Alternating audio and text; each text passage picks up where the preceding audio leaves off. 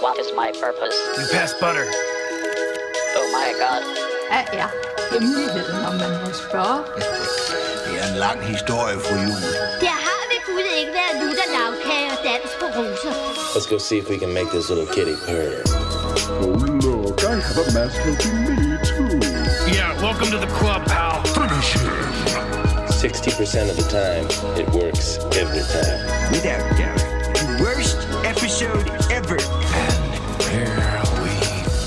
Hyggeligt at være i uh, biografen alene. Øhm, helt, al- helt alene. Var der ikke nogen andre i Der var salen? ingen andre i salen. Jeg, øh, jeg sad og, og råbte og, og, og kiggede mig over skulderen flere, kiggede mig over skulderen flere gange, fordi Okay. der, de har jo alligevel et godt uh, uh, surround sound anlæg der, ikke ja. også? Så, uh, så når man ligesom har lyden for sig selv, så er man sådan en, "Nå, det var bare uh, lyden der, ikke?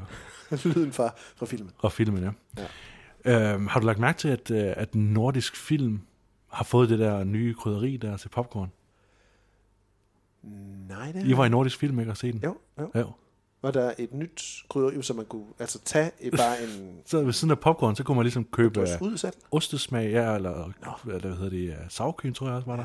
Og øh, der var smørsmag. Det kan godt være, at billetterne de er blevet til 20 kroner dyrere, men til gengæld så kan man give sin popcorn noget andet smag. Ja, for 15 kroner. Nå, det koster...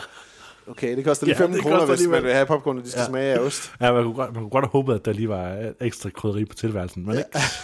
Okay. Prøvede du det så? Det gjorde Ja. du vel? Ja, det gør jeg. Ja, det du Jeg- helt jeg sikkert. elskede det, ja. ja. Du kunne godt lide det. Ja. Jamen, så er det jo 15 kroner plus i fremover Ja, her, for, du kan lægge for regningen. ikke? filer er det præcis det, lige præcis det der. Jeg tror lige, det var i dag, jeg var inde for at lige prøve at tælle sammen, øh, hvor mange gange jeg har været i biografen. Jeg tror måske, jeg har været i biografen 11, nej, 9, 9 gange måske. Og det, øh, så det ligger under, ligger under den median, jeg satte sådan inden, øh, inden pandemien, den trak det hele lidt øh, i, i stillstand. Men øh, der er mange film endnu, man gerne vil se. Og det var fedt at komme ind og se øh, Nope i biografen. Ja, Ja. det var det. Det var ret fedt. Og det er Nope, vi skal anmelde i dag. Øh, en meget, meget imødeset titel. Du sagde, det var din mest imødesete film for ikke så længe siden. Ja, det, det var nemlig det, da vi havde den der podcast med Martin, der, ja. Øh, der var ligesom helt klart fra starten af, det var den, Den film, jeg, den, jeg ville bare gerne have den. En hver pris. Jeg kan Ja. ikke huske, hvor meget du gav for den. Det var nok et sted over 3 millioner. Ja. Ja. 3.000, eller Ja. ja. 3 øre. End, En stor del af det beløb, jeg havde til rådighed. hvad Ja. end beløb, vi havde til rådighed, så brugte du en stor del af det. Ja. Lige præcis. Ja. I den episode, som vi optog uh, tidligere i år. Øhm, jeg har også glædet mig enormt meget til at se den. Kunne virkelig godt lide Get Out, og også virkelig godt lide os. Så, uh, og Peel er en af vores uh, trifecta, som er på The Stepstones og, og ved at overtage Westeros. Øhm, fordi vi skal også, øh, vi skal også anmelde øh, House of the Dragon i dag. Øh, vi har været så heldige at kunne se de første seks episoder af HBO's nye, kæmpestore øh, seerrekord serie slog øh, tidligere rekorder for HBO og HBO Max sammenlagt med næsten 10 millioner øh, seere hen over øh, streams og live-sening hen over den første dag, den var tilgængelig. Så øh, en kæmpe debut for den. Øhm, når vi kommer til anmeldelsen der, så vil vi øh, selvfølgelig snakke øh, bredt om serien, men uden naturligvis at give nogen spoilere omkring, hvad der kommer til at ske. Vi øh, er ikke vi er ikke nogen Damon Targaryen på den måde der. Og så, så, så neddrægtige er vi overhovedet ikke. Men vi vil give en, en bred anmeldelse af, hvordan vi synes, de første seks episoder tegner for, øh, for den her nye serie, og så ellers som udgangspunkt i den første episode. Sådan, sådan i ren øh, meta Game of Thrones-stil, så er der jo flere spin-offs, der ligesom har måttet lade livet for, at den her den kunne... Som jeg kunne forstå Kunne leve, så har der været, der var jo en Targaryen også historie om, uh, hvor Naomi Watts, Ja, der var som de allerede havde brugt Naomi, ja. mange millioner dollars på at skyde en pilot på, Ja. som de så skrottede. Og så, som jeg synes skulle læse, så har de inkorporeret elementer af det. Det skulle foregå uh, et sted imellem House of the Dragon og Game of Thrones, så vidt jeg kunne forstå. Um, men der har man så inkorporeret nogle af de elementer der til den nye serie her. Um, og, øh, og det er spændende at se, hvad det er, vi synes om det, om det er en, en glædelig tilbagevenden på dragens ryg. Øhm, men altså først, så skal vi øh, omkring Jordan Peele's Nope, længe ventede øh, opfølger til hans to første film. Here we go.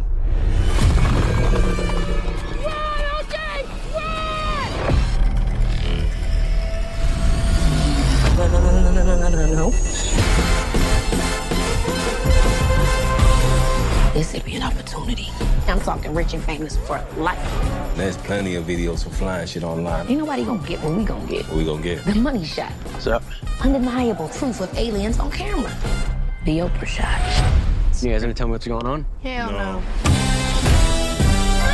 So I'm now here, and you're the only person in the world that can get it on film. That cloud, he moved an inch. It's aliens. They're just waiting for the perfect time to shove metal probes up our asses. I'll be rooting for you. I think we pissed them off. Yeah, they repainted your house. They're gonna come back. You ready? We got some work to do. Not it.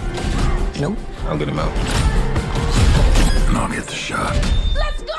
Da Jordan Peele mistede rollen som lorte-emoji til Sir Patrick Stewart, tog den ene halvdel af Key Peele den drastiske beslutning om at droppe skuespilsfaget fuldstændig. Fordi han synes det var, citat, meget sjovere at instruere. Selvom Peele jo har komisk talent, så er de fleste filmnørder nok efterhånden enige i, at han er bedst, når han laver originale, allegoriske og samfundskritiske gyserfilm som Get Out og Os. Da filmen Nope blev offentliggjort med blot et billede af en sky hængende på en mørkeblå nattehimmel med kulørte flag hængende ud af sig, var det svært ikke at være bare lidt spændt på at se det hænge sammen, som det hang sammen med røde kedeldragter, sakse og Lunaces I Got Five on It, eller gæstfri liberals, hypnose og stirrende tjenestefolk. Mysteriet om skyen skulle hurtigt vise sig at handle om UFO'er, men i Jordan Peels helt egen metaforiske tilgang til det helt klassiske gyserfænomen. Spørgsmålet er så, om det denne gang hænger sammen med mystiske ting på himlen, hestetrænere, sitcoms med chimpanser og filmmediet i sig selv. Så William, lad os bare starte. Gav det mening, alt det her? Hvad siger du? Gav det det giver mening? Alt det, alle de elementer, som Jordan Peele han inddrager i Nope med wacky waving, inflatable arm waving, tube men og... Ja. Jeg så den i... Øh, når man lytter til det her, så så jeg den for et par dage siden. Øh, lige nu her, så jeg så den i forgårs, den sidder stadigvæk øh, relativt frisk i, i kroppen. Og øh, jeg synes, den var, jeg synes, den var en enormt god film. Jeg synes virkelig, det var en underholdende, en virkelig spændende, velspillet, flot produceret film på alle ledere kanter. Og måske Peels på nuværende tidspunkt i sin karriere største hemsko, som han jo på en eller anden måde selv er med til at skabe, det er, at hans film er så omgået af mystik her nu, hvor han har lavet tre stykker. Ikke? Get Out vidste man ikke rigtig, hvad ville være for noget, og så også, den var markedsført så højt på, hvad er det overhovedet, der foregår her, med spændende trailers og nogle, nogle, ja, noget, noget makabert over sig også, og det samme har gjort sig lidt gældende med Nope her, øh, hvor markedsføringen igen sådan har jamen, ophævet det, det, det mystiske og det sådan det gådefulde omkring filmen, og hvad handler det egentlig om, og hvad er det, han, hvad er det, vil han, hvad vil han fortælle mellem linjerne? Øhm, og, og hans film på den måde, de bliver jo lynhurtigt til sådan nogen, der bare laver øh, hundrede og tusindvis af YouTube-videoer, der analyserer og øh, Nope, øh, hvad hedder det, Nope Explained, ikke? Nope Explained videoer. Øhm, fordi der er måske også en, en, en overfortolkning af, hvad det er, han laver nogle gange øh, på det her tidspunkt i sin karriere igen.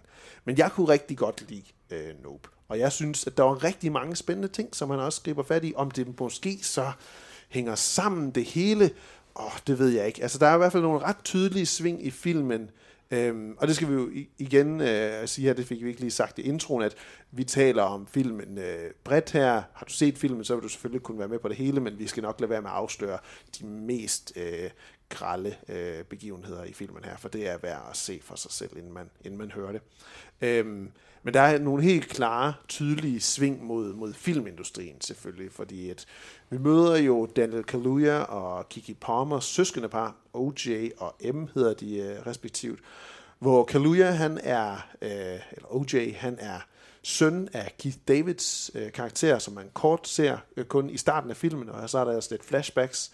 Øhm, som driver en, en hestefarm, hvor hestene de bliver udlejet til, til filmproduktioner. Øh, og M, der så kommer ind i billedet, hun er lidt en, et offshoot, der laver lidt forskellige side hustles, men ikke rigtig har fundet sig til rette noget sted. Og, øh, og der er så en, en, en eller anden form for kommentar, man kan begynde at, at dykke ned i der, med hvordan man bruger øh, dyr i underholdning, fordi at dyr har en, en vild natur, og hvem er det så egentlig, der tager hånd om de her dyr og sikrer, at de, de øh, agerer på den måde, som man ønsker, de skal gøre, og ikke, ikke giver sig hen til sin vilde natur, og måske går amok eller skader nogen på de her filmsets, øh, seriesets. Øhm, og det har den en rigtig spændende kommentar med. Den, den kaster blikket tilbage undervejs til en sitcom, øhm, hvor der er en karakter spillet af Steven Yeun, der hedder Ricky Jew Park, hvor han var børneskuespiller i den her serie, hvor der var en abe, der hedder Gordy, som, som øh, ja, de har en meget, meget uheldig oplevelse på det her filmsæt, øh, eller seriesæt med den her, den her chimpanseabe, øhm, som netop er et udtryk for, hvordan at der ikke måske er blevet taget professionelt hånd om et af de her ellers vilde dyr. Og selve den snak kan man så også godt se tages med over i det, som M og OJ og de andre personer, de ligesom får inkorporeret undervejs i filmens historie, hvordan den snak kan tages med over i deres håndtering af det her mystiske, der så gemmer sig i skyerne, som man jo undervejs i filmen finder ud af er en form for UFO, alien, en eller anden arts, arts ting. Men synes du, øh, synes du det nu, Jens, er blevet for, for spredt med, hvad det er, han laver? Jeg læste en anmelder, Walter Chaw for uh, Film Freak Central, der netop sagde, at nu frygter han måske, at Peel uh, virkelig er på vej ud af sporet af den gale M. Night Shyamalan, uh, hvor det er, at der er gået for storhedsvandvid i det, tager måske ikke imod noter, ser sig selv som branded, og uh, på den måde tænker, at jeg behøver ikke omskrive det hele. Det behøver ikke passe sammen. Der skal bare være en masse ting, og så, så fungerer det ellers. Ja, det, det vil jeg jo egentlig være enig i. Øh, øh, man kan ligesom, man kan godt tegne sådan en, en, øh, en udvikling mellem de her tre film, ikke at sige, at Get Out er, der er allegorien jo sådan rimelig uh, let tilgængelig øh, i forhold til racismen, ikke? Og så er filmen egentlig ret spændende i sig selv at se at Danny Kaluuya's karakter ligesom håndtere uh, de her psykopater, der, der prøver ligesom at kontrollere ham og bruge hans krop til uh, som et, et, et hylster hvor at os allerede der, der er, er vi jo på vej mod det, som det lader til, at Jordan Peele rigtig gerne vil jo. Øh, ligesom smide en masse, som du netop siger, smide en masse symboler ind og, og, og skabe øh, den her komplekse metafor, hvor øh, at for eksempel også jo var, var ligesom dyrket lidt den her, det her billede af, af, af de her uadskillelige øh, elementer, ikke? At vores, alle vores handlinger, alle, hele vores sådan, livsvær er bygget ovenpå øh, nogle mennesker, der så må lide under det. Ikke? Ja. Og, og filmen var stadigvæk underholdende, men der var stadigvæk mange kameler, man skulle sluge. Ikke? Der var stadigvæk mange, øh, man kan sige, der var stadigvæk meget suspension of disbelief i forhold til, øh, at vi nu havde den her underverden, vi skulle acceptere. Ikke? Og, at de var, der var det her element af, at nogen kunne være tethered og sådan noget. Det var lidt mere øh, højtflyvende. Ja. Og Nope kan man sige, tager skridtet videre, ikke også ved at virkelig introducere noget nyt, hvor vi igen skal virkelig acceptere en masse ting. Øh, der kommer et, øh, et afgørende twist undervejs med, øh, hvor Steven Jons figur får en, en betydelig rolle, øh, og, og uden at afsløre, hvad der sker, så, så øh, igen, så bliver det noget lidt mere, som, som du lidt er inde på, ikke? det kommer til at servicere mere en eller anden symbolik, øh, frem for noget, hvor vi som ser er inviteret med ind til at forstå spændingen. Øhm, og det er mit absolut største problem ved Nope, det er, at jeg synes ikke rigtig, at filmen er uhyggelig på noget tidspunkt. Der er lige en enkelt, altså der er nogle startscener, hvor at han laver nogle fake-outs med nogle forskellige ting. Men mindre man sidder alene i biografen, Jens, eller hvad? Nå, men selvom jeg sad alene i biografen, så var, var jeg stadigvæk sådan, ah, det... Øh, det var i hvad der? Jamen, jeg ved sgu ikke, jeg synes ikke... Øh, det, det, var, det var i hvert fald noget, der forsvandt ret hurtigt, den der uhygge der på et ja. tidspunkt, da jeg i hvert fald i det øjeblik, jeg finder ud af præcis, hvad det er, der skal ske, så er jeg sådan lidt, nej, okay, var det bare sådan, det var. En lille smule skuffet over, over hans tilgang til, til emnet, men jeg kan godt se det jo i forhold til uh, den symbolik, du også kommer ind på. Men, men mit problem der i, i det hele taget, det er, at jeg tror ikke, John Peel i min optik har gjort lidt det, som... Uh, hvad hedder han, Christopher Nolan gør med hans senere film, det er, at øh, det kommer til at være stil over substans, eller det kommer til at være, øh, man kan sige, idéer over, øh, over struktur og, øh, ja. og fortælling. Ja. Det tror jeg egentlig, jeg er meget enig i. Øhm, mit spørgsmål til mig, til mig selv, som jeg stillede mig i løbet af dagen her, det er så, jamen, gør det noget? Altså, gør det noget for mig i forhold til, om jeg synes, filmen er god? Fordi det er jo man kan jo sige, det er jo vildt underholdende at dykke ned. Det er jo underholdende på et plan at dykke ned i de her film, som Peel, Nolan, Shyamalan til sin del. laver, fordi der er mange forskellige ting, man kan analysere på. Øhm, og nogle gange, så skal man jo bare prøve at faktisk at lade være med at indulge det. Ikke? Altså at sætte sig tilbage og bare prøve at nyde filmen for, hvad den er. Og nyde de her flotte Van Højtemar billeder i de her kaliforniske klipper, og den, hvor utroligt meget han får ud af at filme op mod nogle skyer undervejs. Øhm, men, men så er det andre gange bare som om, man har rigtig meget lyst til det, når man begynder sådan at prikke mange huller, så, så er det, det begynder at se ud som om, at den her ting ikke kan, kan svæve helt, måske alligevel. Ikke? Øhm, og, og det er jo så der spørgsmålet, det bliver om, om gør det noget for en, eller tager det for meget af nydelsen af filmen væk fra sig.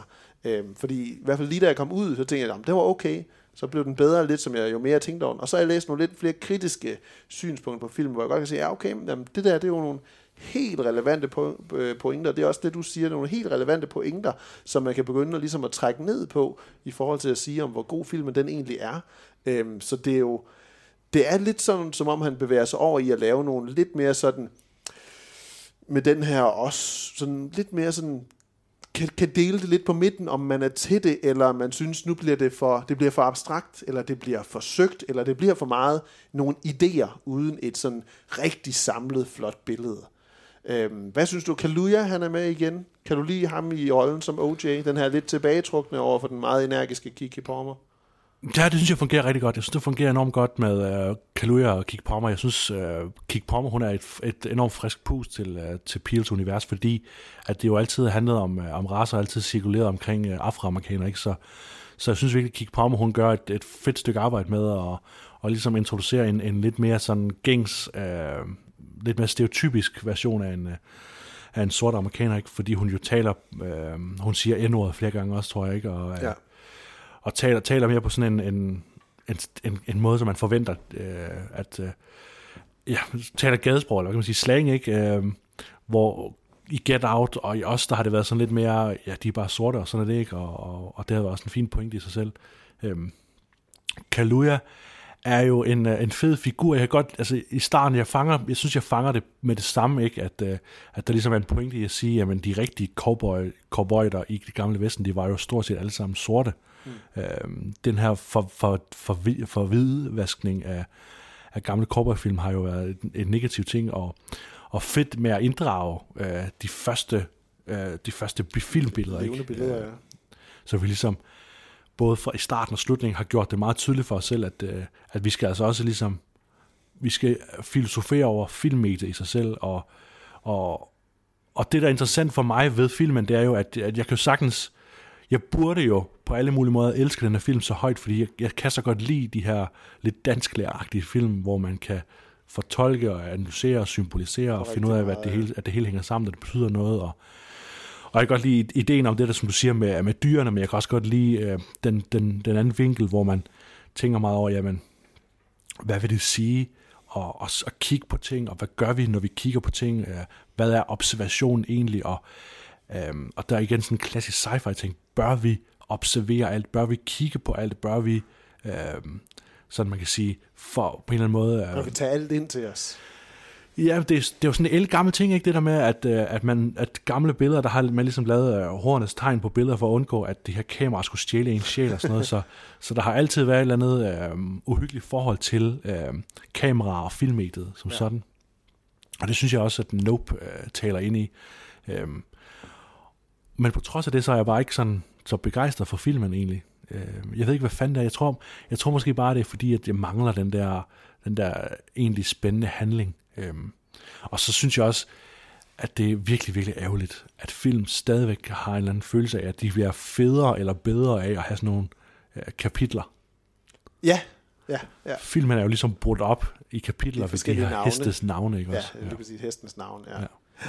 Ja, altså, det er jo det om, om os, man allerede netop, fordi man er blevet lidt mere forventet af, om en John Peel-film, så, John Peel-film, så har man nogle visse forventninger og forudanelser om, hvordan den vil komme til at være. Og på nogle områder, så synes jeg ikke, den var lige hans foregående film, fordi den føles mere som sådan en, den føles mere som sådan en bare stor, til tider lidt fjollet, humoristisk underholdende for mig hele vejen sommerfilm. Og det er også det, han på sin vis har været ude at sige, at det er også det, han har forsøgt at lave. Han har forsøgt at lave en film, der, der emmer af af Jaws og af Close Encounters of the Third Kind blandet sammen med hinanden.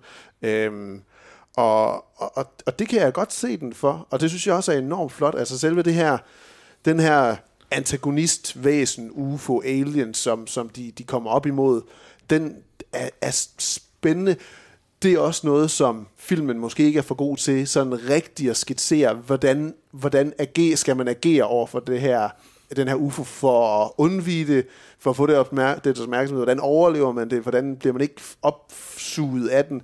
Øhm, det, det, det synes jeg også, det virker til, at den er lidt løst og fast med undervejs, hvad man lige har brug for. Øhm, men den, den udvikling, som den også har, sådan rent visuelt, synes jeg også tager en, en meget spændende drejning mod slutningen, hvor det bliver meget, altså sådan hele filmen, den, det er som om den lige bliver lidt mere bredere i siderne af skærmen, med hvordan væsenet det ligesom udvikler sig. Og det synes jeg var enormt flot. Altså igen, så højtemar han for brugt, brugt lyset fra den her øh, bjergdal, øh, bakkedal, enormt godt til at, til at placere det, til at give, hvad hedder det, CGI-folkene, VFX-artisterne, et, et space at placere det her væsen ind i og arbejde med. Øhm, og, og, og meget, hvad skal man sige, abstrakt øh, designet også, og øh, det er spændende at se på. Det er ikke noget, man på samme måde har set, synes jeg, i sådan tidligere sådan store sommer alien-film. Det giver i hvert fald det giver en følelse af både ærefrygt, men også skønhed på en eller anden måde næsten. Øhm, hvis jeg lige vil vende tilbage til øh, Kaluja, så synes jeg også, at han var rigtig god heri. Altså, jeg, jeg, jeg synes egentlig ikke, at hans, hans performance i Judas and the Black Messiah var nødvendigvis så fantastisk, så han skulle vinde en Oscar-statuette for den, som han jo så gjorde. Øhm, men jeg synes, han er... Dermed ikke sagt, at han nødvendigvis er bedre i Nope. Men jeg synes, at hans rolle i Nope, den passer han bare super godt til. Øhm, der er en scene, hvor, hvor de er i gang med at flygte lidt fra det her, den her UFO. Og, øhm, og han sidder i en bil, og der er den her UFO, den har en evne til at øh, forstyrrer elektro, øh, elektroniske signaler, elektroniske apparater, der så at sige dør, når væsenet, eller når UFO'en den lige er omkring det. Øhm, og der sidder han på et tidspunkt i en bil, hvor den her UFO er lige over ham. Øhm, og man, kameraet det er bare placeret helt op i hovedet på ham inde i, øh, i forruden. Og han sidder bare, det er mørkt, og han kigger, og han har bare så gode, flotte, runde øjne her, Kaluja. Og så lige så stille, så tager han chancen og kigger ud for lige at se, og han kan se lige op i, øh, i, i sluget, så at sige, til det her, den her UFO, og trækker døren ind igen og bare siger, nope, nope, nope, nope, nope. og det siger nope mange gange undervejs i filmen. Men han er, bare, han er så god i, øh, i de små scener, synes jeg, Kaluja. Han er rigtig god til at være den her karakter, der er meget indelukket, øhm, men som så også viser sig at være den person, der jo faktisk har redskaberne til at kunne få dem ud af situationen. Der er jo karakteren, igen som jeg lige refererede til tidligere, Steven Jones, øh, Jupe. Han er lidt en spøjs aparte karakter, synes jeg. Øhm, bliver introduceret som en, der er øh, ejer af en lidt speciel temapark i nærheden af den her ranch, hvor øh, M og, øh, og OJ har hestene. Og, og hvad, hvad, hvad, hvad synes du om sådan hans del i filmen. Jeg var sådan lidt ærgerlig over, at det nærmest ikke var mere af Steven Yeun. Jeg vil gerne have meget mere af, af ham. Ja, han er jo sådan en, øh, en, en sympatisk øh, storkapitalist, ikke? Øh, ja. Og du har ret. Øh, altså, vi har jo set Jun i alle mulige steder, og han er jo virkelig rigtig god øh, som skuespiller, ikke? Så øh, det, det er rigtigt, han virker en lille smule underbrugt i den rolle her. En lille smule som om, at ja, hvis man kan få Steven Yeun, så tager man Steven Yeun, ikke? Og, øh, den egentlig sådan mest umiddelbare powerhouse performance er nok fra uh, Michael Wincott. Uh, der spiller Andlers Holst. Andlers Holst. Den, den dybeste stemme, du hører i år. Ja, han er den her films uh, Sam Neill, ikke også? Ja. Eller undskyld, uh, jo, Sam, jo, Sam, nej, Sam Neill, nej. Hvad han hedder? Sam Neill har vel også en lidt dyb stemme? Nej, det, jeg tænker på med overskægget fra, uh, fra hvad hedder det her, fra Big Lebowski. Hedder han Sam Neill? John Goodman? Nej, Nej. Corp, altså alle, alle cowboy, der nogensinde. Nå, Sam Elliott. Sam Elliott, det er ja. ham, vi tænker på, ja. ja. Altså, Bradley er, Coopers bror. Han er nemlig fem... Uh, fra Starsborn. Fra Starsborn. Han er nemlig Sam Elliott i den her, ikke? Um, Michael Wincott, jeg har ikke lagt mærke til ham Nej. i sådan andre film, men han, uh, han spiller virkelig sådan en, en meget essentiel, uh, sådan lidt mystisk figur, der er... Filminstruktør. Som er nemlig filminstruktør, og, og får lov til ligesom også at, og, for, til at starte med virker det lidt som om, han, han bare er der for at være Sam Elliott, men så kommer han alligevel til at spille en lidt større rolle øh, hen mod slutningen også. Fungerer skide godt, og ligesom at lægge det lag oveni, for virkelig at, at pløje den der point igennem om, at det her det handler altså også om filmmedie i sig selv. Ja. Og øh, og jo af en eller anden sjov årsag også om øh, sådan kampen mellem det digitale og, øh, og det meget analoge, ikke? Jo. Jo, og også det, øh, hvad skal man sige, inklusionen af ham, det kommer som sådan sidste led i, hvad der kan sige, sådan den kapitalistiske underholdningstragedie, som filmen også på en eller anden måde vil, vil kommentere på, fordi at, at M og OJ, så snart de er bevidste om den her overnaturlige ting, der befinder sig oppe i skyerne, får jo tanken så, at det her, det kan vi tjene penge på. Øhm, og på sin vis, og det er også noget, som øh, Jupe, han øh, tænker, da han opdager muligheden her, at det er noget, man kan tjene penge på. Øhm, hvor der er undervurderinger fra begge lejre her, hvor den ene lejr så bare formår at finde frem til, hvad er det, vi måske skal gøre, og hvordan er det, vi skal håndtere det her. Måske håndtere det lidt som et dyr, vi skal have respekt for på en eller anden fasong. Øhm, men hvor at øh, Antlers Holt her, han så er med, som jo sådan lidt en, en ideolog, ideolog og en, en æstetiker, der ligesom tænker på, jamen det kan godt være, at det er meningen, at vi skal forsøge at fange billeder af det her væsen, og, og fordi at den ligesom er i stand til at ødelægge alle elektroniske apparater for en, en kort periode, så skal det jo filmes med et, et håndkørt kamera, som, øh, som er analogt. Ikke? Øhm, og og der, der kommer en, en sjov, hvad skal man sige, øhm, øh, udfordring for den karakter, hvor han vælger at gøre det ene og det andet, hvor han måske vælger det mere æstetiske frem for det øh, kapitalistiske og det sensationelle. Ja, ja. Øhm, og og det, det er en rigtig spøjs det er også noget der, hvor det er sådan, jamen hvad er det egentlig, du prøver at sige her, Peel? Fordi du, du gør jo så at sige lidt det samme med at lave en film her, hvor det er, at vi har noget stort og spændende, som vi skal forsøge at kigge på. Men en del af, af, af karaktererne i filmen også, det er, og de siger det også i traileren, at, at man skal ikke kigge op. Jeg så også nogen skrev, at det her, this is my, don't look up. At det kunne den lige så godt hedde, ikke, filmen her. Ja, præcis, ja. At noget af det, det er, at man skal ikke kigge, det er lige sådan, som man skal ikke, nogle dyr skal man ikke kigge i øjnene, fordi de tager det som en, øh, en, øh, en, en front, ikke også, at man, øh, man tror dem, eller man, er lyst, man har lyst til kamp. Øhm, og, og der er også et eller andet der, man kan tage og gribe fat i, om, om Peel ligesom tager det, tager selve det væsen her som udgangspunkt, øh, udtrykket for, at, at blockbuster og alle store film, de har alle de her store effekter.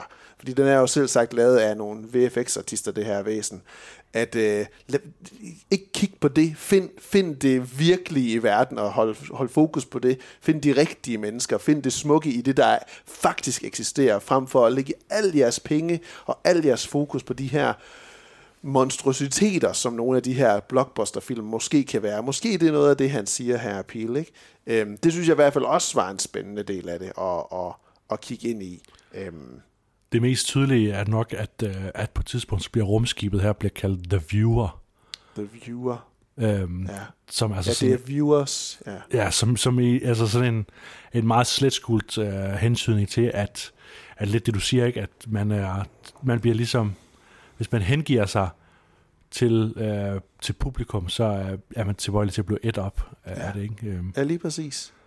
og det er jo, der tænker jeg også meget, at den kommer til at minde en lidt for meget der, hvis man tager den rute, så kommer den til at minde meget om Cabin in the Woods, ikke, der også havde nøjagtigt samme pointe med at bruge gyserfilm som et element af at sige, at der er de her hungrende guder, som bare vil have gyser, gyser, gyser, gyser, gyser, ikke? altså for ja. At pege fingre af publikum, der sidder ja. og ser filmen. Ikke? Den kunne jeg godt snart tænke mig at se igen, The Cabin in the Woods, for netop at have den der vidshed på forhånd. Hvad er det, de, hvad er det, de her mennesker, der sidder og udsætter de her unge mennesker for det her? Ja. Hvad er det, de skal have ud af det gennem fra start til slut, Ja, ja, som ja. man ikke er det, før man har set filmen første gang. Der er man ikke bevidst om, hvad er det der egentlig der, hvordan det stikker af til sidst, så at sige. Nej, og det kan man sige, det tror jeg, Nope jo har den, den funktion også, at øh, når man har set filmen, så kommer man til at nyde den gevaldigt meget mere, når man Det ser tror den igen. også. Ikke? Ja, det var, altså igen, sådan, jo mere jeg har tænkt over den efterfølgende, så synes jeg jo, den er vokset på mig øh, siden der også. Men, øhm, men jeg, har ikke lyst, jeg har ikke lyst til at se den igen. Ja, du har ikke lysten til at se den igen, simpelthen. Nej, altså det har jeg faktisk ikke, desværre. Nej. Øh, fordi det vil... Så din mest i mødelse, den er, det er en skuffelse. Ja, simpelthen. Ah, simpelthen. det er jo synd. Ja. Det er jo synd. Og der, er, jo- der kan man sige, der er jo en meget ærlig mand jo. Ja, det skal man være. Jeg kunne jo godt være øh, typen, der gav mig selv ret. Den, der hyper sit eget hold. Ja, præcis. Ja. Nej, øh, og det er, jo, det er jo heller ikke, og det var heller ikke fordi, at, øh, at jeg glædede mig så meget til den, at jeg kun kunne blive skuffet. Nej. Det, sådan, sådan føler jeg det slet ikke. Sådan føler jeg faktisk slet ikke. Jeg tror faktisk, den, den på en eller anden måde mere end levede op til mine forventninger. Øhm, jeg har bare lært en, noget om mig selv og noget om mit forhold til film ved at se Nope. Øhm, hvor, som jeg, nu gentager jeg en pointe, ikke, men, men at, at det er jo ikke nok, det her med, at, man, at, at der er et budskab, ikke? at der er ikke nok, at man får noget ud af filmen. Der, der skal også være et eller andet lag af, af underholdning eller sådan noget, Ja. vil jeg være tilbøjelig til at sige. ikke? Jeg synes jo, jeg har underholdt hele vejen. Jeg sad godt nok og blev træt, men det var mere min fysiske tilstand end, end filmen. Og vi som så den også sent. Vi så den også øh, lidt sent i hvert fald. Ja. Den er jo den er lidt lang. Øh, to timer og 10 minutter, mener jeg. Men jeg, jeg var egentlig underholdt øh, hele vejen igennem, fordi jeg synes, han er så god til at synes, han er god til at hoppe fra scene til scene, og jeg føler mig rigtig godt øh, taget hånd om som, som seer og som publikum i det. Og så er det helt sikkert nogle ting, som man kan sidde og pege fingre af, såsom, jamen, hvordan kan den her farm både være i økonomiske problemer og være nødt til at sælge nogle af sine heste til øh, Jupe Ricky Parks øh, temapark her, og så samtidig have råd til at købe state-of-the-art øh, overvågningskameraer og plante rundt på hele øh, sin, sin range. Hvordan kan, hvordan kan begge de to eksempelvis eksistere og fungere? Det, det er sådan noget, som det er da lidt mærkeligt. øh, Er det et plothul, eller hvor er pengene pludselig kommet fra til, at de kan bruge pengene på lige præcis det her? Eller, eller er det, ser de det som en investering for at få the Oprah shot af det her, den her UFO-rum, øh, øh, rumskib?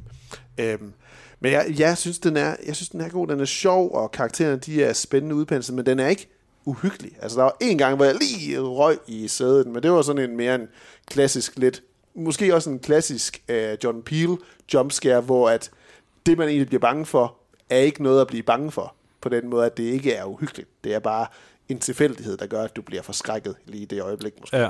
Øhm, Jeg synes faktisk, det er uhyggeligt uh, med Terry Notary, der endnu en gang får lov til at være en, en, en abe. Man ved jo, at når man ser Terry Notary på castet, så er der noget shit, der skal foregå på en eller anden måde. Ja. Typisk med aber, ikke? Ja, ja. Altså, så har man en idé om, at der kommer til at ske et eller andet vildt mærkeligt. Jeg hørte lige et interview med ham, som uh, The Big Picture lavede, hvor uh, Peel han fortæller om den her, de her scener, de har filmet fra det her Gordy tv-show uh, fra tilbage i tiden, øhm, hvor han fortalte, at Terry Notary er faktisk den størrelse, som man ser. Han spiller uh, Gordy, lægger mocap uh, performance til Gordy-aben, chimpansen, er i den størrelse, som Terry Notary er, men resten af sættet er faktisk bygget større. Så det er større end hvad Nå. man normalt ville synes, det var, fordi at det er bygget efter, at han skal være chimpansestørrelse. Det vil Aha. sige, at alle de her møbler, de skal være desto meget større, fordi han skal forestille at være en chimpanse. Øhm, det er jo en lidt sådan spøjs øh, måde at gøre det på, men nok også en del af at gøre det mere naturtro i virkeligheden. Ja, ja, ja. Øhm, ja, der, er- der er også noget på et tidspunkt, hvor man ser... Der er noget med en sko på et tidspunkt, hvis man kan sige det. Og der er filmen, den giver ikke noget konkret svar på, hvad det præcist er med den her sko, man ser i et, i et billede i det, de her flashbacks. Den, øh, den er der bare, og så bliver der ikke kommenteret på det. Det er måske en af de ting, som man også kan finde undervejs i filmen, det er, hvor man kan blive frustreret over, at det måske ikke bliver samlet helt op på nogle af de setups, der bliver præsenteret undervejs. Det er i hvert fald, hvor jeg sad og tænkte sådan, bagved, det skal jeg lige, det er jeg vist nødt til at undersøge, for det har jeg ikke lige fanget, hvad der var med den her mærkelige sko. Og det er der så nogen, der har bud på, og det kan være rigtigt eller forkert. Ja, det, det, det så jeg faktisk også, skal jeg undersøge også det med skoen der. Fedt i virkeligheden, at, uh, at den der SNL mærkelige langt uh, replik, han har, Steven Yeun, om en SNL-sketch, der skulle, uh, men, der skulle parodiere It's det. Chris Kattan! At Chris Kattan har spillet sådan en, en, en abefigur på et tidspunkt. Ja, det hedder, hvis man skal finde det, så hedder det Mr. Peepers. Okay. Øhm, det, altså, den, den findes ikke, den, er, den specifikke sketch, hvor der er en, Nej, der går nej, nok på show, men. Chris Kattan har spillet sådan en, en, øh, en abefigur, hvor han bare har givet totalt los overspillet, og der er sågar en, hvor han, Chris Kattan spiller sammen med The Rock, øh, som, øh, som Peepers, altså The Rock også spiller sådan en abefigur. Det skal jeg prøve at se, helt sikkert. Ja. Ja, for det, det er jo egentlig også en, en, en ganske øh, sjov ting. Den her film, den foregår totalt i øh, nutiden. Øhm, den har mange referencer til ting, vi er bevidste om og kender. Øhm, den har en. TMC-reporter, der pludselig kommer. Den refererer til... Jeg skulle lige sige, om det refererede til Love Island. Det gjorde den ikke. Jeg lige kom til at tænke på. Men det Scorpion refer- King refererer Det til. refererer til Scorpion King. Det refererer ja. til mange ting, som er øh, nutidige. Øhm, og og det, det sætter den i hvert fald inden for en sådan lidt overskuelig, let forståelig øh, tidsperiode at, at, at sætte sig ind i.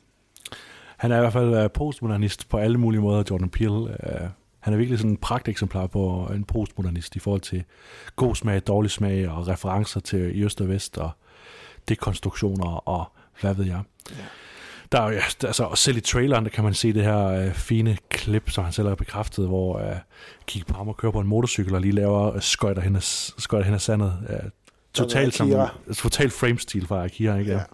Og der er, sikkert, der er sikkert mange andre, hvis man, hvis man virkelig har nørdet film, så kan man finde masser af, er, er hvad hedder det, shots stjålet direkte fra andre film, forestiller jeg mig. Ja, præcis. Jeg ved også, har jeg også læst mig frem til, at der er noget i, i den, det her rumvæsen, der, der kommer til syne undervejs, skulle også være inspireret af noget Evangelion, Neon Genesis. Det er ikke noget, jeg har set, men noget, som, noget, som blandt andet ligger på min watchlist. Men Ja, der er mange i den serie, så det, du kan ikke give mig dem alle sammen for Jens, så Nej. kommer jeg ikke ud. Så kommer jeg slet ikke ud før til nytår. Uh, jeg vil kort lige her til slut også nævne musikken. Det er Michael Abels, der står for uh, at komponere musikken til filmen her. Han lavede det, og han gjorde det også til Get Out, og også Get Out, det var hans første film, som han var... Uh, stod for scoren på. Jeg synes, den, er, den synes jeg også er virkelig god, og den balancerer rigtig meget mellem det dramatiske, humoristiske og storladende virkelig godt i filmen her. På en anden måde, synes jeg, end hvad hans to foregående film også øh, gør. Netop fordi den har sådan lidt mere storladen, afsluttende øh, ja, tredjedel, hvor det hele ligesom skal gå op i en højere enhed, eller, Ja. ja. eller, eller hvor Ja, ja, ja. luften skal gå ballonen, så at sige. Ja, ja. Er der mere at sige om uh, Nope, Nej, øh, Jens? Nej. Men uh, det var lidt... Tag ind og øh, se den flere tag- gange. Tag ind og se den flere gange. Det kan være, det er nødvendigt. Man kan i hvert fald se den i biografen netop nu. Vi uh, vurderer den med uh, fangearm til slut i episoden her. Vi vil jo til hver en tid gerne have, at Jordan Peele ligesom får sådan nogle succeser, så han kan lave nogle flere film Ja, han til flere bare penge. blive ved. Vi vil gerne bare, gerne bare se mere fra hans sjove underfundige hoved. Ja. Hvem var, hvem var de andre i øh, det der trifecta? Det er Jordan Peele og Ari Aster og... Og Robert Eggers. Robert Eggers, Selvfølgelig ja. også. Ja. De tre. Ja. Robert, Peel og Ari. Ja. Det er de tre mestre. Gyserfilmens nye øh, koryfærer. De, de nye mestre, ja. Ja.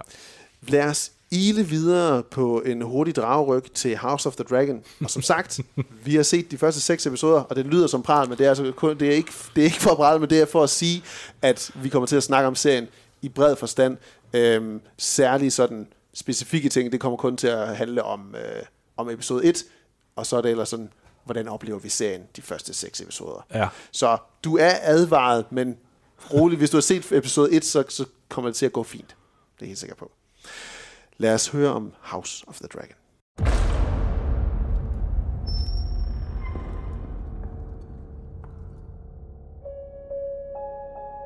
The dream. It was clearer than a memory. And I heard the sound of thundering hooves, splintering shields and ringing swords. And I placed my heir upon the Iron Throne. And all the dragons roared as one. I consider the matter urgent. That of your succession. Who else would have a claim? The firstborn child. Rhaenyra. No queen has ever sat the Iron Throne. The king has an heir, Daemon Targaryen. I will not be made to choose between my brother and my daughter.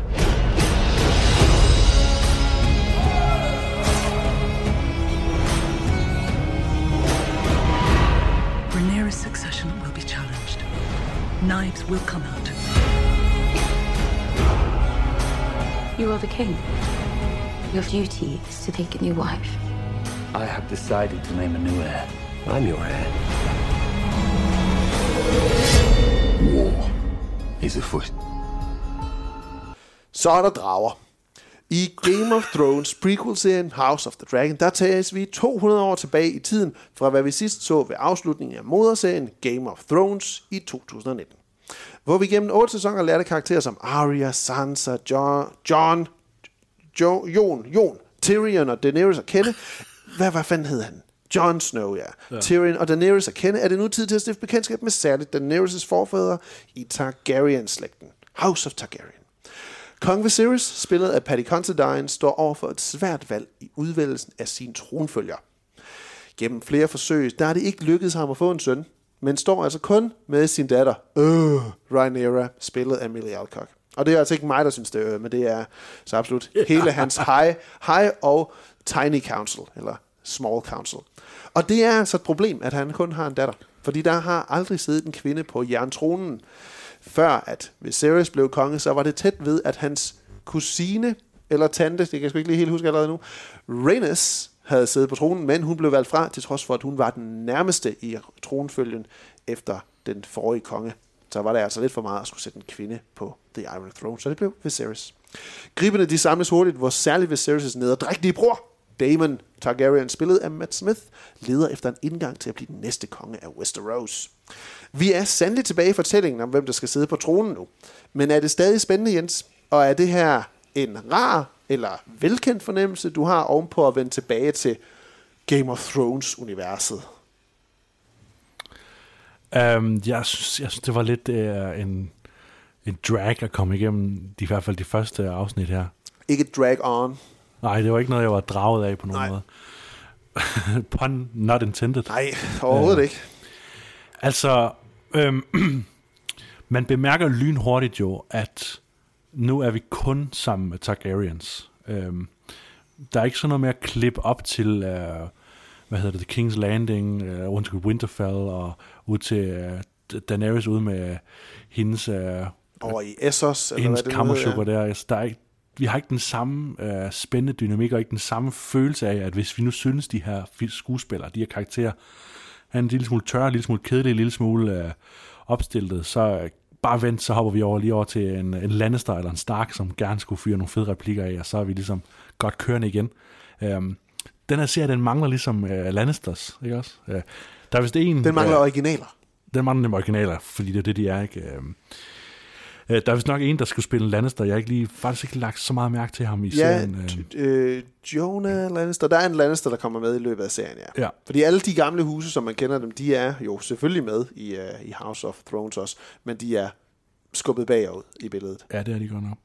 Det er, så, det er jo så det bedste, man kan sige om House of the Dragon, det er, at den, den undgår jo ved at være placeret mange hundrede år før, øh, eller 200 år før, 200, eller sådan, 200, altså ved at være placeret så lang tid før det handlingsforløb, så vi kommer aldrig sådan rigtigt til at opleve, nå okay, altså vi kommer aldrig til at opleve dem som de, de gamle figurer som unge, eller... Det er Sean Bean som barn. Præcis, at vi får aldrig sådan, sådan en, en, det bliver aldrig sådan en nostalgi uh, rit. Der er på et tidspunkt i serien, hvor, hvor, det, hvor vi lige får nævnt, it will be a song of ice and fire. Ja, det er jo faktisk i første episode, ja. hvor det er, at Viserys han fortæller det til Rhaenyra, efter at han har valgt, at det er hende, der skal være sin tronfølger. Altså det er, så, så må skide hul i det, at der ikke kommer nogen, nogen drengesøn. Du skal være min tronfølger. Du bliver dronning af Westeros. Og så som fortæller han om den her mareridt eller syn, som Aegon Targaryen havde, om at der ville, at menneskeheden ville være nødt til at stå sammen i kampen mod det onde fra det kolde nord, øh, og det vil være en Song of Ice and Fire. Og altså lige præcis da det kom også, der tænkte jeg sådan, Nå, er det Game of Thrones? Ej, det er jeg slet ikke med på, jo. Det synes jeg er lidt mærkeligt, at den faktisk har det der behov for lige at gøre det. det. Jeg synes faktisk, det trækker ned på seriens mulighed for overhovedet at stå på egne ben. Fordi vi ved sgu da godt, at det her, det skal lede til... At hele, I har et intro-slide, der siger 200 år før, eller at uh, Daenerys hun blev dronning og, uh, og kom til Westeros, og hendes drager der, så skete der det her. Uh, og, og så hvorfor overhovedet bringe det ind? Det føles rigtig meget som om, det bare så bliver den her lille forret til den store, vigtige hovedret, som er Game of Thrones, som uh, du allerede kender en masse til. Um, det er u- unødvendigt overhovedet at bringe det ind. Men det er jo åbenbart sådan en, lige sådan som, uh, det er nok det, der havde stået i de uh, filer, som uh, Donald Trump han tog med sig til Mar-a-Lago, som man ikke måtte have taget med ud af det hvide hus. Ja, altså. Det er åbenbart det, der ligesom går igen fra tronfølger til tronfølger og konge til dronning øh, i, i Westeros. Det er ligesom the classified, top classified, som, ja, man, ikke dem, må, ja, ja. som man ikke må tage med til sin feriebolig, når der man abdicerer derfra eller dør. Øhm, men, men den har helt klart nogle, øh, nogle, nogle vanskeligheder i at skulle stå på egne ben her til at starte med, synes jeg også, øh, House of the Dragon. Øhm, og det, det, det, skal den lige, det skal den lige finde, finde frem til. I første episode, der synes jeg jo naturligt nok, at meget det går med en, en stoledans for at få alle karaktererne placeret og introduceret. Og, og, og så alligevel, når det er, man kommer mod slutningen af episode 1, øhm, og vi ligesom har fået øh, Rhaenyra, øh, hun skal indlemmes som tronfølgeren til Viserys, og de her huse, vi har blandt andet øh, ja, Starks og Baratheons, som jeg lige husker, det bliver name-dropped, der, der knæler øh, foran hende øh, ved The Iron Throne, der får jeg alligevel sådan følelsen af, ja okay, det er stadigvæk stort. Altså, der er stadigvæk noget, noget storladenhed over den her serie, som den kan fremmane en gang imellem. Øhm, men den gør så det, især igennem de første, første 5-6 episoder her, at den hopper lidt i tid. Øh, undervejs i de her episoder. Og det er måske fordi, at man kan måske lidt se de første par episoder her som en form for prolog i virkeligheden, til hvad der måske bliver den egentlige serie. I trailers til, til øh, hvad hedder det, serien her, der ser man jo blandt andet Olivia Cook, som spiller en karakter, og hun spiller øh, rollen som øh, Alicent Hightower. Og det er jo ikke hende, der spiller rollen i første episode her. Det er Emily Carey, der spiller Alicent Hightower, en yngre version altså. Så der kommer til at være nogle tidshop undervejs i serien her. Og, og, det talte i hvert fald lidt ned for mig, at vi bruger egentlig så meget tid på at scenesætte og, øh, og ligesom skildre begivenheder gennem en årrække måske på et par år, en lille håndfuld hår.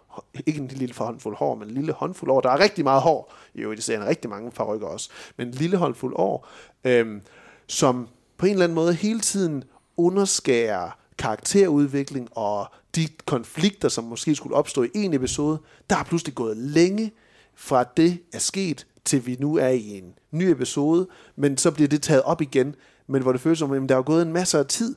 Hvordan kan det så være, at de ikke hvordan kan det være, at de stadigvæk så at sige, står der, og nu, der, nu er den karakter lige pludselig et andet sted, øh, følelsesmæssigt og, og magtmæssigt føles det som om, øh, de er blevet ældre, men nogle karakterer ser ud som om de er, så at sige, stadigvæk børn, men pludselig har de sex, og det er det, altså sådan, det er, jo, det er jo, jeg synes, det er undervejs i serien, der gør den sig selv en, en, en bjørnetjeneste ved at ville ville trække de her historiefortællinger over en årrække, frem for bare at gå direkte til den serie, den måske egentlig gerne vil være sådan i den sidste halvdel af serien.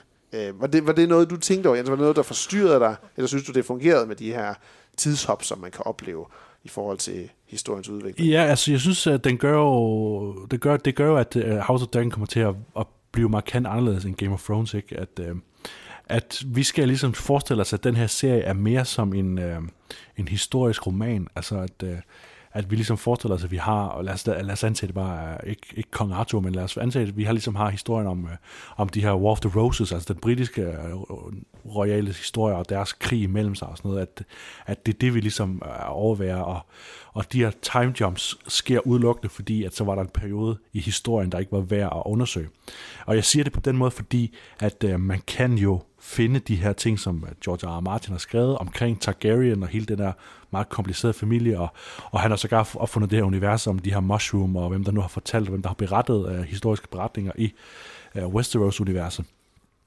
Um, det virker som om, at, at dem, der har lavet serien, de har været enormt religiøse omkring at følge uh, Martins um, sådan udlægning af, hvordan, eller hvordan er udlægning af den fiktive historie omkring Westeros. Han er også selv medskaber på serien ja. sammen med Ryan Condal. Ja. ja. Og Condal er showrunner sammen med Mikhail uh, Sapochnik, der instruerede nogle af de større kampscener i Game of Thrones-serien. Ja. Og så øh, skulle man jo antage, at når vi er øh, 200 år tilbage, og der er Targaryens over det hele, så er der også drager over det hele. Synes du, der er nok drager i uh, House of the Dragon, som det jo rent hedder? Jeg synes, at der er sådan til start med lige tilpas med drager, som udgangspunkt. Øhm, ja, det, det, det vil jeg sige umiddelbart. Og, der, og de er jo tidligt med. Øhm, serien, den er selvfølgelig en dyr serie, men den er jo markant billigere end hvad de seneste sæsoner af Game of Thrones var. Jeg tror, de ja. koster en 10 millioner dollars per episode. Det lyder rigtig meget, men det er forholdsvis lidt i forhold til, hvad de brugt på Game of Thrones. Så tror jeg, det var 30 millioner dollars, de brugt på per episode i de sidste sæsoner. Øhm, og det, det, grunden dertil, det er ikke fordi det hele det ser lidt mere billigt ud, men som de har beskrevet det, så er det jo fordi, at det her det er, det er et hold af de samme folk, der har øh, lavet det foregående, ma- øh, mange VFX-artisterne osv., så, videre. så de er jo bare så top-tuned til, hvad det er, de skal lave, øh, og dermed kan de gøre det nemmere, hurtigere og, øh, og uden så mange forviklinger. Øh, og så er der jo flere drager med, øh, og det synes jeg er rigtig fint. Man får ikke indtrykket af, at de bare altså, lander øh, lige ved siden af en, når man står ved stoppestedet og venter på den næste hestevogn. altså, det, det, det, det er ikke på den måde, at der er drager med. Særligt ikke i, i, i første episode nødvendigvis. Jeg synes, i, øh, i øh, nogle af de efterfølgende episoder, der bliver de brugt på lidt spændende måde, også som sådan nogle, øh, ja, et, et, et power move, øh, når, også når der er drager mod drager, fordi det her, det, det skal man ikke lægge skjul på, det er jo en, en infight blandt Targaryens, også det her, det kommer til at handle om Viserys, Viserys og hans bror Daemon. Øh, Daemon vil jo rigtig gerne have, øh, have tronen for sig, og ser sig selv som den naturlige tronfølger øh, efter Viserys, når han skulle øh, gå af, og jeg synes egentlig, Matt Smith, han han, han gør sin karakter, han prøver at gøre sin karakter til en original. Han spiller ham i hvert fald med en, en nederdrægtig sliskhed og ondskab, øh, synes jeg, øh, Damon her. Øhm, han står måske bare lidt alene i at være så ondskabsfuld, hvor Game of Thrones havde mange af de her sådan meget ondskabsfulde karakterer. Der har det, de har øh, House of the Dragon indtil videre ikke rigtig præsenteret. Øh, og Damon han gennemgår også en karakterudvikling, som tiden den jo hopper frem i tiden. Øhm, ja, det, det er enormt spændende, som du siger, fordi han, Matt Smith kommer til at virke enormt usympatisk, og det er enormt interessant, fordi kender man bare lidt til det, så ved man også, at, uh, at Damon-figuren skal mange forskellige steder hen, og, og har ligesom også en, en stor, altså han fylder enormt meget i, uh, i Targaryen-historien, ja. uh, uden at sige for meget. Ikke? Ja, præcis. Øhm, jeg kunne jo, noget af det, jeg sådan havde sådan mest problemer, eller frustrerede mig mest over den originale serie, det var, hvordan det netop nogle gange kunne være sådan, at vi skulle følge så mange karakterer, som ikke lød til at have noget som helst claim til The Iron Throne. Som jo i sidste ende var, det er det, det handler om, men det var sådan lidt en, en Trojan horse i virkeligheden, hvis man kan se det som i den originale serie. Det handler virkelig om at fortælle de her mange forskellige historier, og de her mange karakterportrætter, og så var hvem der endte på tronen, det var ligesom bare den der guldrød, som serieskaber Benioff og Weiss, de viftede lidt med en gang imellem undervejs i hver sæson. Øhm, det tog bare enormt lang tid, før Daenerys hun kom til Westeros i det hele taget. Ikke? Ja. Øhm, og det, det frustrerede jeg mig nogle gange over, at det virkede til at være så lidt progression. I serien her, også selvfølgelig, det er så måske en positiv ved, at der er den her, de her tidshop, øhm, gør, at vi hele tiden rykker os. Vi er hele tiden nærmere på den næste tronfølger efter Viserys. Øhm, men der er også bare langt færre karakterer. Øhm, og serien den har et meget stærkere fokus på magten og magtovertagelsen, da flere af de her karakterer, der så er der, de har en mere direkte linje til tronen. Men det er som om, at, at de så pludselig mangler de her andre karakterer, der bare giver farve til det hele. Øhm, og det er meget sådan indelukket nu i King's Landing, for vi er ikke særlig tit uden for uh, The Red Keep, som det er, de befinder sig i, uh, Targaryen her, og alle de her high councils, uh, vi ser dem sidde i, hvor uh, Rhys Ifans, Otto Hightower i, uh, i, uh, i store del af sæsonen spiller, spiller The Hand uh, til Viserys og nærmeste rådgiver, og så ellers forsøger at power move lidt sig selv rundt, som det jo hører sig og bør sig i, uh, i Westeros. Ja. Jeg, jeg, jeg kunne godt håbe, altså jeg synes, uh, de afsnit, vi har set, at, uh, at med de der tidshop, og når Targaryen-familien ligesom udvides til at have uh, sådan forskellige generationer, vi ligesom ja. skal følge forskellige ja. generationer, når vi når dertil, så uh, er jeg en lille smule mere på, fordi så er jeg mere tilbage i, uh, i sådan det vante Game of Thrones-land, hvor vi jo Øh, det, jeg synes for mig var det fede ved Game of Thrones, det var, at det var en, en sæbeopera i, i middelalder fantasy. Og, øh, og det jeg bare savner nu, det er at de der øh, hurtige, øh, man kan sige, konsekvenser, eller ikke sådan, men, men den der følelse af, at alle kan dø når som helst. Ja, øh, ja. Der bliver lidt med, den, den, den driller os lidt i forhold til uh, Viserys, ikke? Uh, jeg synes jo, at uh, Patty Constantine er en interessant sådan figur ja. i, i, i, i, i serien, fordi han, han jo... god. Han, han, han laver noget lidt andet, end vi er vant til i Game of Thrones. Han, han spiller lidt mere sådan en, en, en, en træt uh, manager, sådan en træt CEO, der, ja. der er sådan lidt, kan I nu ikke bare, kan I nu ikke bare lade, altså stop nu med at spørge, det er min datter, der skal overtage tronen, og ja. sådan er det. Lad ja, nu være med hele tiden ja, og spørge. Jamen, så bliver der optøjer jo for pokker ved Ceres, ja. ikke? Og så, så vil de have lønforhøjelse rundt omkring, og de vil ikke finde sig i, at der skal komme en kvindelig chef. Ja, det er, Jamen, det, det, det er rigtigt. Han spiller den med... Han, han, Viserys er jo modsat mange andre sådan karakterer, der har så meget magt. Ikke ikke en ond regent lader han jo ikke til at være. Han, lader, det, det, han har overtaget et, øh, et land efter sin, øh, sin øh, ja, forgænger på tronen, Aegon, øh, der var i velstand, og, og, og en sådan måske, kan man sige, lidt kedelig periode. Der har ikke været konflikter, konflikt, og de er blevet holdt på afstand ved et sikkert... Øh, øh, ved ham sikkert siddende ved tronen uden, uden hvad skal man sige, modstand. Og, øh, Og det er nu også noget, der ligesom tager lidt på ham. Hvad er det, man skal synge om i sangene om ham, når han dør? Er det bare Viserys, den kedelige, eller hvad, hvad, hvad skal det ligesom være? Han, han ser selv så lidt som en, der mangler noget at, at stå med igennem historien efter sin, sin død. Ikke? Øh, men han spiller ham rigtig godt, øh, Considine. Han spiller ham rigtig meget som en, der har sympati for sine medmennesker og for sin omverden, og som rigtig gerne vil gøre det rigtige, og som konstant får lagt ovenpå sig, at kan du ikke gøre noget andet? Kan du ikke please gøre noget andet i stedet for det der? Ja. Øh, fordi det, det var også noget, der var snakket om sådan universets her mis- og det var noget, de har snakket om også med, med tilgang til den her, der er der er øh, kvindelige karakterer, der er meget tæt på øh, tronen her, men samtidig så, så vil de så at sige holde sig historisk i fantasy-serien, historisk passende til, at jamen, de bliver stadigvæk voldtaget en gang imellem, og de bliver stadigvæk udnyttet, øh, fordi det, er jo, det skal jo ligne noget for den tid. hvilken tid? Ja, hvilken, hvilken tid, mener du lige præcis? Ja. Og det, øh, det, det lader de ikke til at have løst øh, særlig godt stadigvæk.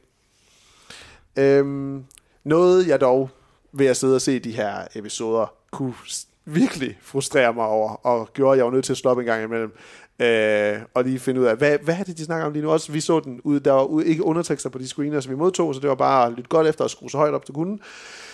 Det er, hvor mange navne, der bare lyder ens og hvor mange gange der bare er navne, der gentages, men som refererer til nogle andre, fordi at de jo har rigtig mange karakterer, som bliver opkaldt efter deres forfædre, eller ja, opkaldt ja, ja. på ny efter noget andet. Ikke? Og jeg kan lige læse et lille udvalg op her. Ja, tak. uh, Rhaenyra, Rhaenys, Jaehaerys, Aerys, Jacaerys, Dracarys, Viserys. Dracarys, det er selvfølgelig bare, når de spyr ild, men Jacaerys og Dracarys, det er ikke godt nok tæt på.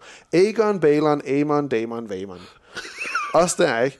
Øhm, det er, Hvor er det sjovt. Det er vanvittigt irriterende at sidde og ja. lytte til, ja. og være usikker om, hvem er de egentlig snakker om?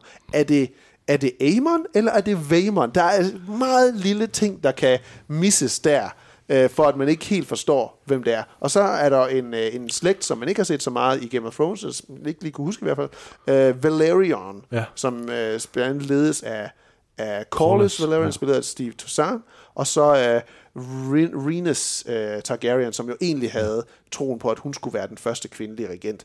Øhm, de, øh, det er jo så Valerian og Valeria. Øh, ja, der er, der, der er rigtig meget sådan forvikling i selve ja, navnene og titlerne undervejs i House of the Ring. Meget mere, end jeg sådan husker fra Game of Thrones. Ja, det er han lidt skidt til. Det er også noget, der er andre, der undrer med Elden Ring, som ja. Martin også har med, ikke? de hedder alle ja. sammen et eller andet med G, eller et eller andet med... Ja med V og sådan noget, og så er det bare det ikke. Ja, er præcis. Ja. hvis det er Larry, jamen jeg kan bare Larryson. Larryson, ja. Ja. Larryson. Men du har helt ret. Um, og der er det jo rigtig Game of Thrones, ikke? Fordi man, det kan jeg huske også med Game of Thrones, det var, det var virkelig en serie, hvor man var nødt til at sidde og se det. Man kunne ikke bare have det kørende i bag, fordi så var man simpelthen tabt. Ja, lige præcis. Ja, og sådan er det også med House of the Dragon. Sådan er det også med House of the Dragon. Slutligt for min del, der vil jeg sige, at jeg synes, jeg synes serien den er fin, men min sådan en lille hemsko, hvis det skal være, hvis man skal sige en lille, lille spoiler, hvis der man sådan bare ikke vil vide noget som helst af, hvad der kan ske inden for de seks episoder her. Så, og det, det jeg snakker igen kun om, om tidsperspektivet, jeg snakker ikke om, om nogen, der dør, eller noget af den stil. Men så føler jeg lidt, nu er det advaret, så føler jeg lidt, at det først er episode 6, hvor der er et stort tidshop på måske 10 år. 10 år, ja. At, at man netop, som du sagde, Jens, hvor jeg er helt enig, det er den serie, der lader til og føles som, når det er her, det rigtigt starter. Det er her, karaktererne er, hvor de skal være, og nu starter kammerspillet. Nu starter de spændende konflikter, og, og skuespillerne er de rigtige skuespillere. Øhm, og særligt Olivia Cook træder ind der, og, og hun er bare en virkelig dygtig skuespiller, Olivia Cook, og bidrager til noget helt andet i den her rolle som Alison Hightower, end hvad ja. Emily Carey gør i de første øh, fem episoder. Øhm, så så hvis man ikke lige synes, det bare lige fanger an, så øh, personligt, så glæder jeg mig da til at se øh, fra episode 7 af. Eller jeg faktisk glæder mig til episode 6 også, for der det var ikke, det var ikke alle dele af episode 6, Nej, som, vi kunne, som vi så, som var, Midlertidige som var helt færdiggjorte i ja. VFX'en. Ja. ja. Ja, men jeg vil give dig helt ret. Øhm, jeg, jeg, jeg er virkelig ked af Matt Smith. Uh, hans skuespil, det, det synes jeg, jeg synes ikke, Damon uh, kan blive den figur, som han har fortjent at være. Uh, og det synes jeg er synd. Men jeg synes helt, helt klart, at Olivia Cook, hun er, hun er enormt lovende. Øh, og, og altså igen, man kan forestille sig, at serien jo igen bliver nulstillet, når vi så når til den egentlige øh, Targaryen-borgerkrig, øh, der så kommer til at opstå ikke øh, med øh, de grønne og de sorte og røde, ikke, uh, som det jo hedder sig i, i den historie, Martin har skrevet. Øh, så ja, der er jo lang tid, der, jeg, håber- men forhåbentlig er der ikke så lang tid til, fordi igen, serien er jo har vist sig at ligesom hoppe frem til der, hvor det bliver interessant, så det er ikke fordi, den, den fluffer sig frem til, uh, til noget som helst. Den er jo interesseret i at fortælle den historie, som Martin har skrevet. Det er kun med mindre, den også tænker, at vi skal også have otte sæsoner. Ja, det kunne så være jo. Det kan så være. Det kan så være, at den begår nøjagtigt samme fejl, og så uh, begynder at arbejde ud over det, Martin har skrevet. Det er muligt. Vi får se. Man kan se uh, House of the Dragon hver mandag på HBO Max. Hvis man skal være helt præcis, så tror jeg, det er tilgængeligt fra klokken 3 om natten hver mandag. det har jeg nu ikke tænkt mig at sidde, sidde vågen til. Der er altså et arbejde, der kalder. Lad os give nogle øh, fangearme først til Nope, Jens. Hvad skal den have på en skala fra 1 til 8? Den skal have 5 ud af 8. Øhm, den er værd at se, men, øh, men den, den, den er stadigvæk fejlslagen i forhold til øhm, at være en, en egentlig film. Øhm, jeg synes især, når man lige begynder at referere til Jaws og, øh, og generelt øh, Steven Spielbergs øh, vej ind i øh, genrefilm, så synes jeg, at, øh, at man mærker, hvor, hvor hul Jordan Peels vision egentlig er, og, og hvor meget han mangler det hjerte, som Steven Spielberg altid er øh, garanti for. Øhm, men på trods af det, så er det jo en enormt spændende, endnu en, en allegorisk, nej, allegorisk allegori og, og metafor, som uh, man kan finde og, og, og virkelig dykke ned i. Så hvis man virkelig er til det, og, og ikke er så begejstret for at blive underholdt, så er den værd at se en nope. ikke er så begejstret for at blive underholdt. Og det er der rigtig mange, der er her efterhånden. Ja, jeg, øh, jeg kunne rigtig godt lide Nope. Jeg, jeg vil give den 7 og 8, så den kan, den kan, den kan Nå, nå, nå. switch sides, den kan komme over på mit hold på, øh, på vores liste der, Jens. Hvis det øhm, nej, jeg kunne rigtig godt lide den. Jeg synes, jeg var utrolig godt underholdt hele vejen, og det er... Jeg synes, det jeg nød at have en film, der var så velkonstrueret, der havde øh, så meget underholdningsværdi, og som samtidig var sjov at sidde og fundere over, hvad mener han måske med det her undervejs. Så jeg kunne virkelig godt lide den, og, og giver den 7 af 8. House of the Dragon, Jens? Øhm, det vi har set indtil videre. Det vi har set indtil videre, ja. Fire. Ikke, ikke episode 5, men episode 1 til... Ikke, undskyld, ikke episode 1, episode 1 til 6. Ja, øh, 4, 4 ud af 8, det er øh, en middelmodig oplevelse, der er øh, igen i et serielandskab, der er så rigt og så, øh, så fyldt med, med lignende fede oplevelser, så tror jeg ikke, at House of the Dragon øh, løfter sig. Altså der er man jo bare bedre tjent med at give Game of Thrones et skud mere, eller, eller tjekke ud nogle af de andre mere sådan storladende episke øh, serier om øh, magtintriger og så videre. Jeg tror ikke, bare fordi den har sit brand med sig, så, skal den, så fortjener den ikke at, at blive værdsat egentlig mere, end, øh, end hvad den er. Og den er lige nu bare en meget middelmodig tv-serie. Havde den ikke haft øh, Martins bogophav, ophavet af Game of Thrones-serien, så tror jeg vidderligt heller ikke, der havde været som... Så havde der jo ikke været 10 millioner, der havde tunet ind for at se Nej, den her det havde serie. der virkelig ikke, nej. Det havde der altså ikke. Det, og, det, og selvfølgelig, det er et falsk scenarie at sætte op, fordi det, det kan man slet ikke forestille uh, se, se for sig næsten. Men det er alligevel utroligt, at folk har til, tilgivet uh, Game of Thrones. Det overrasker mig egentlig ret ja, meget. man bare er lige, lige straight on, jeg vil have mere. Ja, fordi vi, vi, vi var jo alle sammen i sådan en situation, og, altså jeg var ikke så meget, men de flere, vi var alle sammen i en situation, hvor vi var sådan, Hvad fanden har de lavet? åh kæft, de var ødelagt totalt. ja, Aldrig hvad mere. har I dog gjort? Ja. ja. Ja, så vil de sågar lave en Jon Snow sequel-serie med Kit Harington, ikke? Øhm, men, øh, og, og jeg synes netop også sådan, jamen det er en, det er lige sådan som alle andre storladende, øh, nutidige, samtidige serier, den er flot at se på. Der er nogle navnkundige skuespillere, nogle velkendte ansigter undervejs. Den ser, den ser godt ud, ja. Der er nogle højtflyvende taler om fortid og fremtid, og- men det er måske ikke lige altid så meget om, hvad det betyder for karakteren lige i sin umiddelbare nutid, når det er, man springer frem i tiden hele tiden. Øhm, og så alligevel, så vil jeg alligevel give den 5 af 8, fordi jeg synes alligevel, den har lovningen på mere.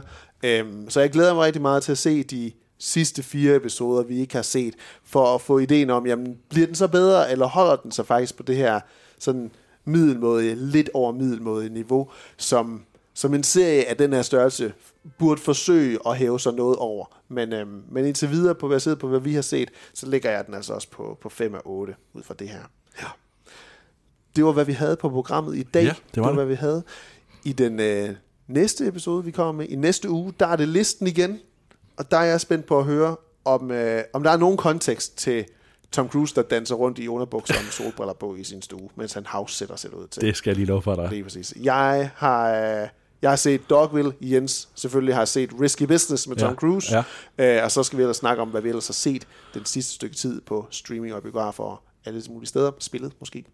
Øhm, har man lyst til at lytte til flere episoder af Række så kan du finde dem ind på Apple Podcasts, Spotify, Podimo, og hvor end du finder din podcast. På alle de her steder, der må du gerne give øh, vores podcast en rating, eller skrive en kommentar, en venlig kommentar. Det vil vi rigtig gerne have, for så hjælper du os til at komme ud til endnu flere lyttere. Det vil vi bare rigtig gerne. Du kan også finde os og følge os, hvis du har lyst til det, på sociale medier. Twitter, Instagram, BeReal, Letterboxd. Letterboxd, ja. Jeg er ikke særlig aktiv på TikTok. Øhm, jeg er mere, der er jeg mere en viewer, som øh, Ja, okay. man kan sige det. Øh, men alle steder, så kan man finde mig under at Willy Benson. Ha- Havde TikTok og Musical.ly og sådan noget, var- hvis, hvis den udvikling havde var sket Ja. bare, ja, hvis vi siger sådan 5-10 år Ja. tidligere, I would have been on it. Ja. Så hårdt. Ja. Altså, hold op. Altså, hvordan kom de der 5-6 år før det, så altså... Ja. Så der er i hvert fald nogle gange, hvor jeg ser nogen på TikTok, ikke hvor jeg sidder og laver den sådan, jamen det var det, jeg havde gjort det der. Men hvor jeg tænker sådan, ja, det var præcis det der, jeg havde gjort det der. Det var præcis det der, jeg havde gjort også. Øhm, så det er jo meget sjovt, hvordan man kan være komme lidt for sent på det, ikke? Ja, ja. Hvor kan man, hvad kan man, hvad skal man, du hedder Adrepsy. Adrepsy, ja, på alle platforme, Ligesom ja. vi kender det.